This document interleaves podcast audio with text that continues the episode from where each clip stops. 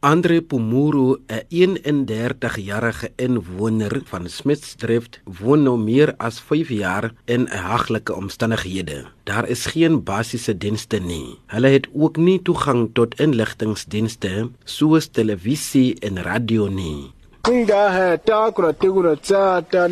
Ons gaan nie die plek los nie. Hier het ons families gesterf en begrawe. Ons sukkel baie met behuising, water en elektrisiteit.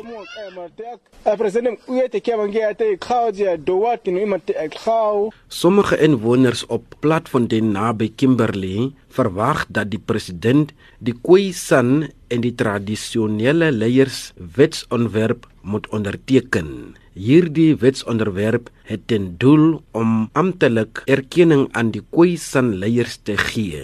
Die Khoi en San tradisionele bel moet geteken word sodat die regering moet ons as 'n Khoi en San gemeenskappe herken word.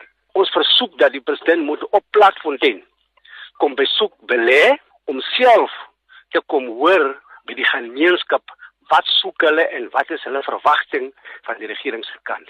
Almal van ons verwag dat die regering moet nou vir ons kyk net soos die regering enige gemeenskap in ag neem en vir hulle kyk en nie net die voice nie maar ook fisies op die grond dat daar iets gedoen kan word sodat die, die matrikulande werk het en die jong mense moet nou ontwikkel in verwikkeling vir hulle self pad vorentoe en die toekoms kan wees. Ek is Bert Kachoro en Kimberley.